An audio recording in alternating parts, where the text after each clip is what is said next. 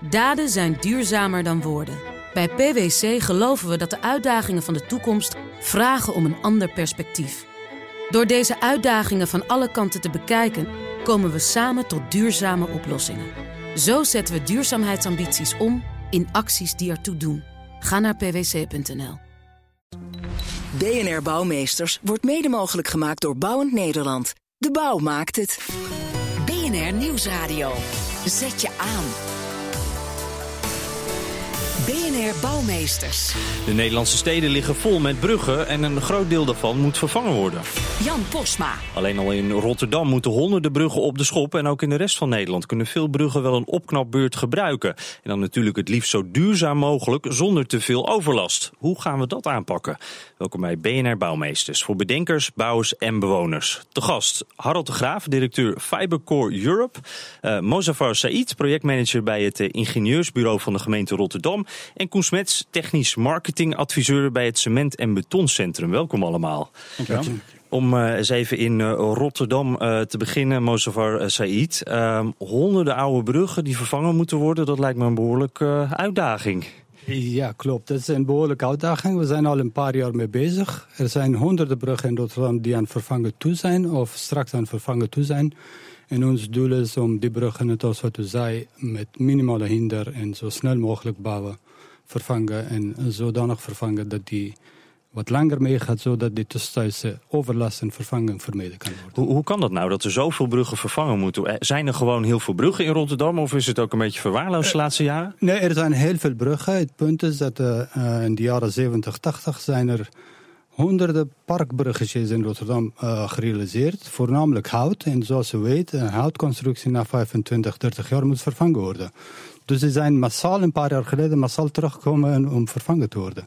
We dachten als wij het inderdaad één op één en traditioneel gaan vervangen, dat zou 20 jaar duren. Dus er moest geïnnoveerd worden. Ja. Ja, en dan, ja, inderdaad, ik ben nog niet klaar dat die weer terugkomen. dus er moest iets anders te werk gaan worden. Innovatie speelt een hele belangrijke rol in duurzame, duurzaamheid en lang levensduur. En uh, noemde net al even, er zijn nogal wat dingen waar je rekening mee moet houden als je een brug in een stad aanlegt. Dan kan ik me voorstellen dat het in een park dan weer net wat anders is. Maar in ieder geval in een stad, uh, veel mensen om je heen, dan wil je niet te veel overlast veroorzaken. Maar hoe doe je dat nou? Waar moet je op letten? Ja, vooral, vooral uh, uh, de overlast die tijdens transport van brug of bijvoorbeeld paalfunderingen, die veroorzaakt overlast, behoorlijk overlast. Haaien van de palen, funderingspalen, brug realiseren, langere afsluiting en omleidingen en omrijdingen. En dat zijn allemaal overlasten die eigenlijk niemand als bewoner, als omwonenden dat graag willen. Nee, dat is dus dat zijn te die, wachten. Ja, en dat zijn die eisen en die aan moet voldaan worden. En op die manier moeten, moeten wij te werk gaan. Uh, Harold de Graaf van Fibercore. Uh, ze maken het uh, de bruggenbouwers flink lastig in de stad. Ik vind het wel meevallen. Ja, oh, u ja. kunt hier prima mee omgaan. Ja.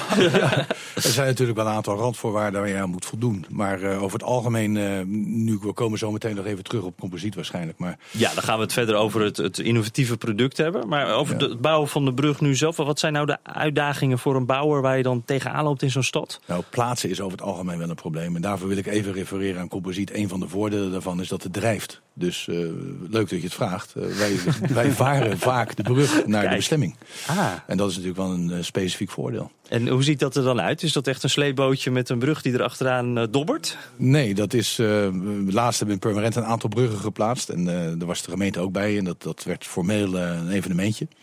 En we stonden met elkaar te praten. En terwijl we stonden te praten, kwamen drie man met een paal al palend de brug binnenvaren. En uh, toen, stond, toen praten we even iets te lang en toen lag hij al. Dus uh, het, het, kan ook meevallen. Even niet opgelet en toen was de brug alweer... ja, ja.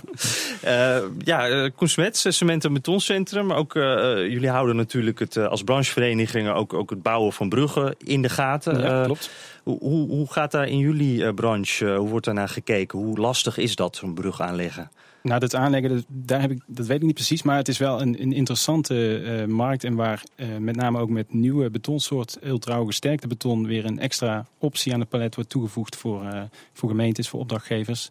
Dus ik denk dat dat juist, ja, die speelt echt in om het hele materiaal arm bouwen en heel slank met name. En met een hele hoge levensduur. Dus dat zijn wel interessante eh, ja, ingrediënten, zeg maar, om weer een nieuwe uh, realistische oplossing te bieden. En uh, aanleveren van, van cement, beton via het water, is dat ook iets wat, waar jullie ook mee bezig zijn? Nou, niet specifiek. Ik, ik kan misschien even een bruggetje maken ja, naar de. Ja. ja, daar zaten we op te wachten. naar de Catharinabrug in Leiden, die morgen officieel geopend wordt. Dat is de langste en de slangste brug in, in dit beton. En daar is gewerkt met prefab elementen. En er zijn ook wat silo's geplaatst voor het normale beton gewoon op, op locatie. Dus dat, is, dat kan in principe ook. Want eigenlijk moet je het zo zien: er is met uh, een stuk of acht uh, brek, uh, dekdelen. Die zijn op locatie gebracht en die zijn aan elkaar verbonden met zogenaamde natte knopen. Dus die verbinding is gelegd met uh, beton ter plaatse. Een natte knoop, dat is een beetje lijm tussen de blokken? Of ja, wel een beetje, be, een beetje groot, maar... Uh... zo is het zo ongeveer. ja. Nou, goed dat je over die brug begint. Uh, 30 centimeter dik, heb ik begrepen. 36 meter lang. Um, 27,5. Oh, kijk. Ja ja. ja, ja, En een van de slangste, in ieder geval, betonnen bruggen van Nederland. Of misschien wel de slangste. verslaggever Hugo Krant, die stak hem alvast even over met wethouder Paul Lodi. Dit is Leiden op zijn best. Hè? Prachtig weer, de terrasjes zitten vol. Mensen genieten aan en op het water. Dus dat is natuurlijk een geweldige dag om die nieuwe brug te bekijken. Hij loopt zoals elke andere brug, maar hij is bijzonder. Hij is zeker uh, heel bijzonder, want uh, behalve dat hij op een prachtige plek ligt... daar waar de Oude en de Nieuwe Rijn samenkomen in Leiden... is het ook een heel bijzondere constructie. Hij is gemaakt van een heel speciaal soort uh, beton. Door dat materiaal kunnen we hem heel dun houden. En dat zie je, het is een hele dunne, ranke eh, prachtige brug. Ja, het is een gracieuze brug. Uh, ook op de beste dag denkbaar. Op dit moment uh, vaart er een uh, iets minder gracieuze meneer met zijn bootje onderdoor. Ja, Blote Bast. Dat mag hè, als je op de boot zit. Dag meneer, hoe vaart het onder de nieuwe brug? Geweldig. Hij is mooi. Prachtig ontwerp. Ja, u bent er blij mee? Ja. Oké, okay, nou geniet van het mooie weer. Dankjewel. Ja. Nou, wordt gezwaaid. Maar ja, wat maakt het u als wethouder uit dat die brug net iets dunner is? Uh, nou, een van de grote voordelen, uh, naast dat hij beter begaanbaar is voor fietsers, voetgangers en dat boten onderdoor kunnen, is dat hij ook heel duurzaam is. Want door dat ultrahoge sterkte beton, zonder al te technisch te worden, uh, kan die veel langer mee en is hij veel minder gevoelig voor verwering door zout, water en noem maar op. Dus qua onderhoud hebben we er veel minder omkijk naar. Maar ik kan me voorstellen dat zo'n innovatieve brug wel een stukje duurder is. Ja, dat klopt. Maar daarom gaat hij natuurlijk ook echt langer mee. Hoi. Doordat hij langer meegaat, hebben we op de lange duur straks gewoon minder kosten. En uh, ja, dan maar iets duurder uh, in aanvang. Jongens, vanuit de boot, hoe vinden jullie de nieuwe brug? Fantastisch. Geweldig, hij is vet mooi. Het is dus lekker varen onder de nieuwe brug. Even kijken of hij ook lekker loopt. Hij loopt heerlijk. heerlijk. Nou, nog even kijken of het ook lekker fietsen is over de nieuwe brug. Hoe fiets nieuwe brug? Nou, ik moet zeggen, het is eigenlijk wel erg mooi geworden. Het is de eerste keer dat ik overheen fiets, laat ik het zo zeggen. Ga nog een keer. Zal ik het nog een keertje doen dan? Ja, vind je het leuk? Wacht ik op je aan de andere kant. Beschrijf even hoe die fietst. Het gevoel, nou ja, het uitzicht is ook mooier hè, nu. Als je naar links kijkt en naar rechts, heb je veel mooier uitzicht op de Annies. En op dan zie je allemaal historische gebouwen en dan zo'n moderne brug er middenin. Ja, maar dat past wel een beetje bij Leiden. Ik denk dat Leiden een beetje oud is. Maar tegelijkertijd is het ook gewoon uh, ja, een hele moderne studentenstad aan het worden. Overal nieuwbouw. Ja, dus het hoort er wel een beetje bij. Hartstikke mooi, maar u moest die kant op. Ik ga die kunt kant u voor een ja. derde keer? Doen we nog even één keertje. Hè, drie keer scheepsrecht. Ja, die brug wordt al uitvoerig getest. Positieve recensies als ik het uh, zo hoor. Uh, Koen Smets van het Cement- en Betoncentrum. de wethouder die maakte zich er al even makkelijk vanaf. Die zei laten we het niet te technisch maken. Juist dat wil ik toch aan jou vragen. Want het gaat om ultra-hoog sterktebeton. Ja. Dat ben ik heel benieuwd naar. Ja, dat is, dat is een innovatie. En dat is eigenlijk ook meteen even de, snel de credits naar al die projectpartners die hier aan gewerkt hebben. Ik heb, ik, ik heb daar zelf dus niet aan ontworpen of... Maar wat er, wat er bijzonder aan is, uh, je moet het zo zien, beton bestaat uit uh, grind, zand, uh, cement. Daar voeg je nog wat hulpstoffen en vulstoffen aan toe. en water natuurlijk. En dan wordt het betonmortel en uiteindelijk verhardt dat tot beton. Nou, dat is helemaal standaard. Maar in het ultrahoog sterke beton zit daar een, een, minder hoeveelheid grote fracties. Dus minder grote korrels. En juist meer een, een nieuwe kleine fractie, microsilica genaamd. En je moet het eigenlijk zo zien, die kleinere fracties, dat is nog kleiner dan cement, dat vult die holtes optimaal op. Dus eigenlijk krijg je voor hetzelfde volume krijg je gewoon een, een, grotere dichtheid van het materiaal. dat levert niet alleen meer sterkte op, eh, voor, voor hetzelfde volume. Maar dat, de, de oppervlakte die wordt ook ontzettend dicht daardoor. Dus daar kan bijna geen uh, vuil indringen, geen viezigheid, wat uh, de wethouder al zei. En het is hartstikke glad, dus je, je hebt er eigenlijk geen omkijken naar. Eén keer in de twintig jaar uh, grondig schoonmaken en, en je kunt weer verder. Je krijgt eigenlijk meer elementjes beton per vierkante centimeter. Het is dichter. Het is dichter, inderdaad. Ja, ja. ja. Nou werd er wel al even gezegd, die beton is duurder dan traditioneel beton. Hoe, hoeveel scheelt dat? Um, dat zal. Uh, ja, je moet, sowieso moet je het in het hele project bekijken. Want doordat je met minder materiaal uh, je constructie kunt maken, wordt ook de, het hele materiaal. Je, je, hebt dus minder materiaal nodig. Ja, dat is dan weer goed nieuws. Het wordt lichter en daardoor uh, is ook de, de fundering kan lichter. Maar uiteindelijk is het natuurlijk ja, ook een duurder materiaal per kuub. Dus ja, ik, ik, ik, weet niet wat dat hier in Leiden precies was. Maar dat, het zal een fractie duurder zijn. Maar dan heb je het hooguit over uh, factor anderhalf. Oké, okay, nou dat, dat klinkt nog wel, dat is wel iets om even mee te nemen. Ik kijk eventjes naar uh, Rotterdam. Uh, Mosafar uh, Said, dat factor anderhalf is nog wel een verschil, toch? Ik kan me voorstellen dat... Ja, het is verschil. soortgelijke brug hebben we vijf jaar, vier, vijf jaar geleden ook in Rotterdam gerealiseerd. Ook een ultra hoog beton, 6 centimeter dik ietsje kleiner qua lengte. Uh, eigenlijk, uh, waar ik moeite mee heb, dat wij altijd inderdaad aan initiële kosten hebben. Dat het duur, dat het duur is. Stel dat, dat die brug 100 jaar meegaat met mm -hmm. minimale onderhoud. Dat scheelt ook geld. Als wij over de hele lifecycle en levensduur van de brug kijken, dan komen die composietbruggen en hoogsterke betonen eigenlijk goedkoper uit. Terwijl in het begin inderdaad 30, 20, 40 procent duurder is. Dat is in ieder geval ook hoe Rotterdam ernaar kijkt. De lange termijn kijken, Wij goedkoper. kijken op basis van lifecycle management en kijken we niet naar initiële kosten, maar over de hele uh, lengte van levensduur. Wat voor kosten maken en dan maken we die lifecycle uh, kostenanalyse en op basis daarvan gaan wij te werk. Zo ja. moeten we eigenlijk naar onze constructie moeten we kijken. En uh, Koen Smets uh, staat hier te knikken, dus uh, helemaal mee eens. Ja, laten we eens kijken naar de toekomst. Want die moderne brug die is dus niet meer van dat ouderwetse beton, maar van nieuw beton. En ook nog van hele andere spannende nieuwe materialen. BNR Nieuwsradio. Zet je aan. BNR Bouwmeesters. Die nieuwe brug kan slanker, duurzamer en mooier. Allemaal dankzij nieuwe, sterke materialen. Hierover praat ik verder met mijn gasten. Harold de Graaf, directeur van Fibercore Europe. Mozafar Said, projectmanager bij het ingenieursbureau van de gemeente Rotterdam. En Koen Smets, uh, hij is adviseur bij het Cement- en Betoncentrum. Uh, Harold de Graaf, om even bij Fibercore dan nu eerst te beginnen. Jullie zijn ook bezig met een innovatieve manier van bruggenbouw. Je hebt net al een beetje uitgelegd hoe ze nou, naar de plek werden gevaren. Maar dan wil ik wel even weten dat Fibercore, wat is dat nou precies? Fibercore is de bedrijfsnaam. En uh, wij maken bruggen van composiet, maar composiet is ook een hele brede term. Dus eigenlijk is het vezelversterkte kunststof. Dat zijn glasvezels met hars. En daaruit bouwen we een brug op.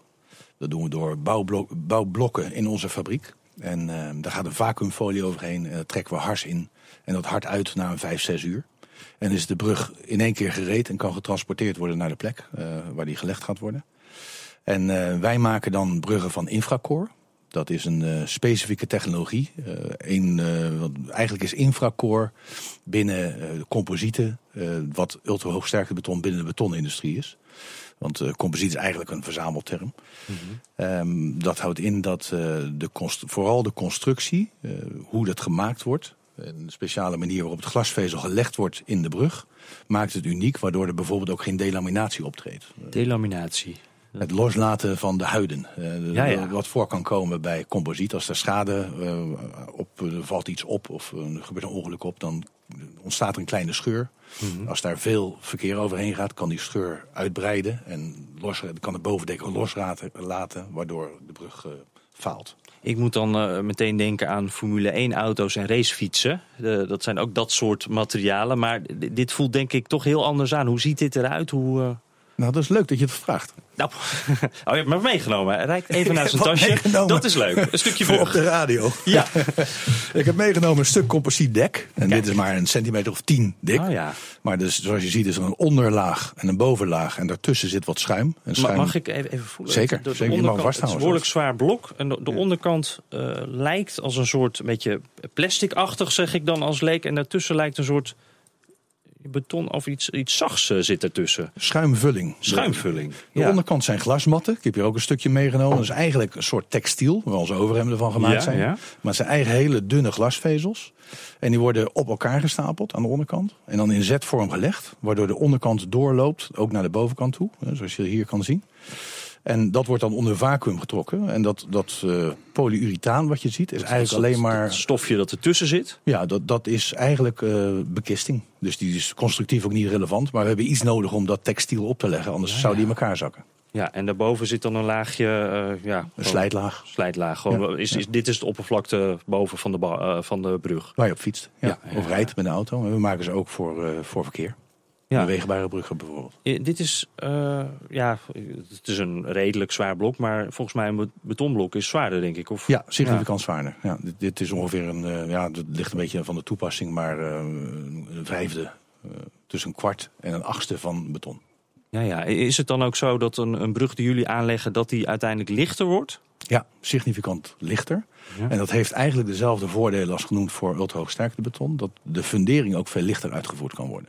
Dus dat, dat heien waar we het net over hadden, dat hoeft dan wat, wat minder intensief. Uh... Ja, een, een, lichtere fundatie. En uh, zeker voor fietsvoetgangersbruggen onderheien ze helemaal niet. Ja, we, met de gemeente Rotterdam, met Mozafar bijvoorbeeld, hebben we een 63-tal bruggen vervangen in parken. En daar is uh, op één brug na. We hebben ook een, um, een uh, ingeklemde brug gebouwd. Op initiatief van gemeente Rotterdam. Klopt. Die heel slank gebouwd is. Uh, dus die is wel onderheid. Maar over het algemeen zijn ze niet maar onderheid. voor de rest inderdaad niet onderheid. En dat maakt het eigenlijk zo goed voor, voor, voor de omgeving. Je hoeft geen palen te haaien. Is dat dan ook de reden dat jullie voor fibercore Dat kiezen? is ook de reden dat wij voor deze type hebben gekozen. Dat de bruggen zo licht zijn dat je hem inderdaad makkelijker kan aanvoeren. Of over het water of met een vrachtwagen. En dan op tillen, draaien, neerzetten. Dan ben je klaar zonder, hmm. zonder palen. En hoe zit het met die sterkte van die, die fibercore? Zit er nou een grens aan? Kan je hier, uh, we hebben het nu veel over uh, voetgangers en, en, en uh, ook fietsbruggen. Kan, je hier ook een autobrug? Kan, hier, kan alles? Ja, we hebben ook verkeersbruggen ermee gemaakt. En die maken we nu nog steeds uiteraard. Niet alleen in de verleden tijd. Um, dus uh, ja, het is eigenlijk de, de, de, glasvezel zelf. Als je die vergelijkt met een staalstreng van dezelfde diameter, is glasvezel tien keer sterker dan staal. Dus uh, ja, de, zijn de, de, mogelijkheden zijn onbeperkt eigenlijk. Staat de bouwwereld hier een beetje voor open voor dit soort initiatieven? Nou, we merken wel dat er een kentering is. We hebben inmiddels al 500-tal bruggen gebouwd van dit materiaal in Nederland. Het bedrijf bestaat nu acht jaar. Um, en het is uh, opgericht uh, een acht jaar geleden door Simon de Jong en Jan Peters. En misschien wel leuk te melden is dat zeer recent Jan Peters door de betonvereniging en bouwen met staal uitgeroepen is tot constructeur van het jaar. Dus dat wil wel zeggen dat ook de beton- en de staalindustrie dit initiatief en dit product omarmen. Ja, is, is dit nou ook iets waar we misschien uh, gebruik van kunnen maken buiten de bruggenbouw? Is dit ook iets voor huizen, gebouwen, dat soort dingen? Ja, kan zeker. En dat is de volgende ontwikkeling binnen ons bedrijf. Fibercore Europe richt zich hoofdzakelijk op bruggen en sluisdeuren. Maar Jan Peters en, en Simon de Jong hebben inmiddels een, een ander bedrijf opgezet, Infracore Company. En binnen dat bedrijf gaan ze met dezelfde technologie nieuwe producten ontwikkelen. Wat is nou de volgende stap op bruggengebied? We, kunnen, we, we hebben nu aanvragen lopen voor bijvoorbeeld bruggen met een enorme overspanning. Dit is gebaseerd op glasvezel.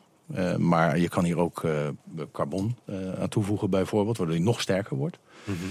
En dan kan je overspanningen maken. We zijn nu bezig met het rekenen aan een brug van 100 meter overspanning. Zonder, zonder tussenopvangpunten. Uh, Koen Smeets, jouw ultrahoog sterkte beton, kan dat daar tegenop? Ja, zeker wel. Ja. Ja, ja. Verder nog zelfs? Ja, dat, ja? in principe is daar ja, geen echte limieten op. Tenminste, ja, los van de praktische uitvoerbaarheid natuurlijk. Maar uh, ja, je kunt, ik, ik heb toevallig ook iets meegenomen, maar dat is, dat is dan wel geen brug. Maar dat, we hebben nu boekje, onlangs ja. in uh, ons vakblad Cement hebben we een nummer over superhoogbouw. Nou, ook in die toepassing kun je natuurlijk uh, uit de voeten met dit materiaal. Mm -hmm. En uh, de sky is werkelijk de limit, want je kunt hier tot 1 kilometer hoog als je wil.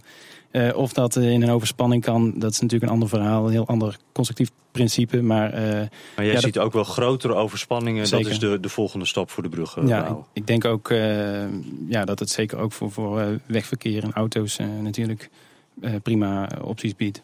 Ja, uh, Moos even terug naar Rotterdam. Uh, al die honderden bruggen, uh, jullie zitten er middenin. Wanneer is dat nou klaar? Is dat ooit klaar? Nou, dat, dat het hoeft niet gelijk, allemaal gelijk uh, vervangen te worden. Maar wij weten dat zij inderdaad uh, aan de buurt komen en dan vervangen moeten worden. Op basis daarvan hebben wij nu tegenwoordig, op basis van de lifecycle management, hebben wij een hele complete vervangingsprogramma. En wij weten eigenlijk wat volgend jaar moet vervangen moet worden. Op die manier gaan we inderdaad iedere keer lijstjes maken van bruggen die dit jaar aan vervangen te zijn. Daar maken we inderdaad project van.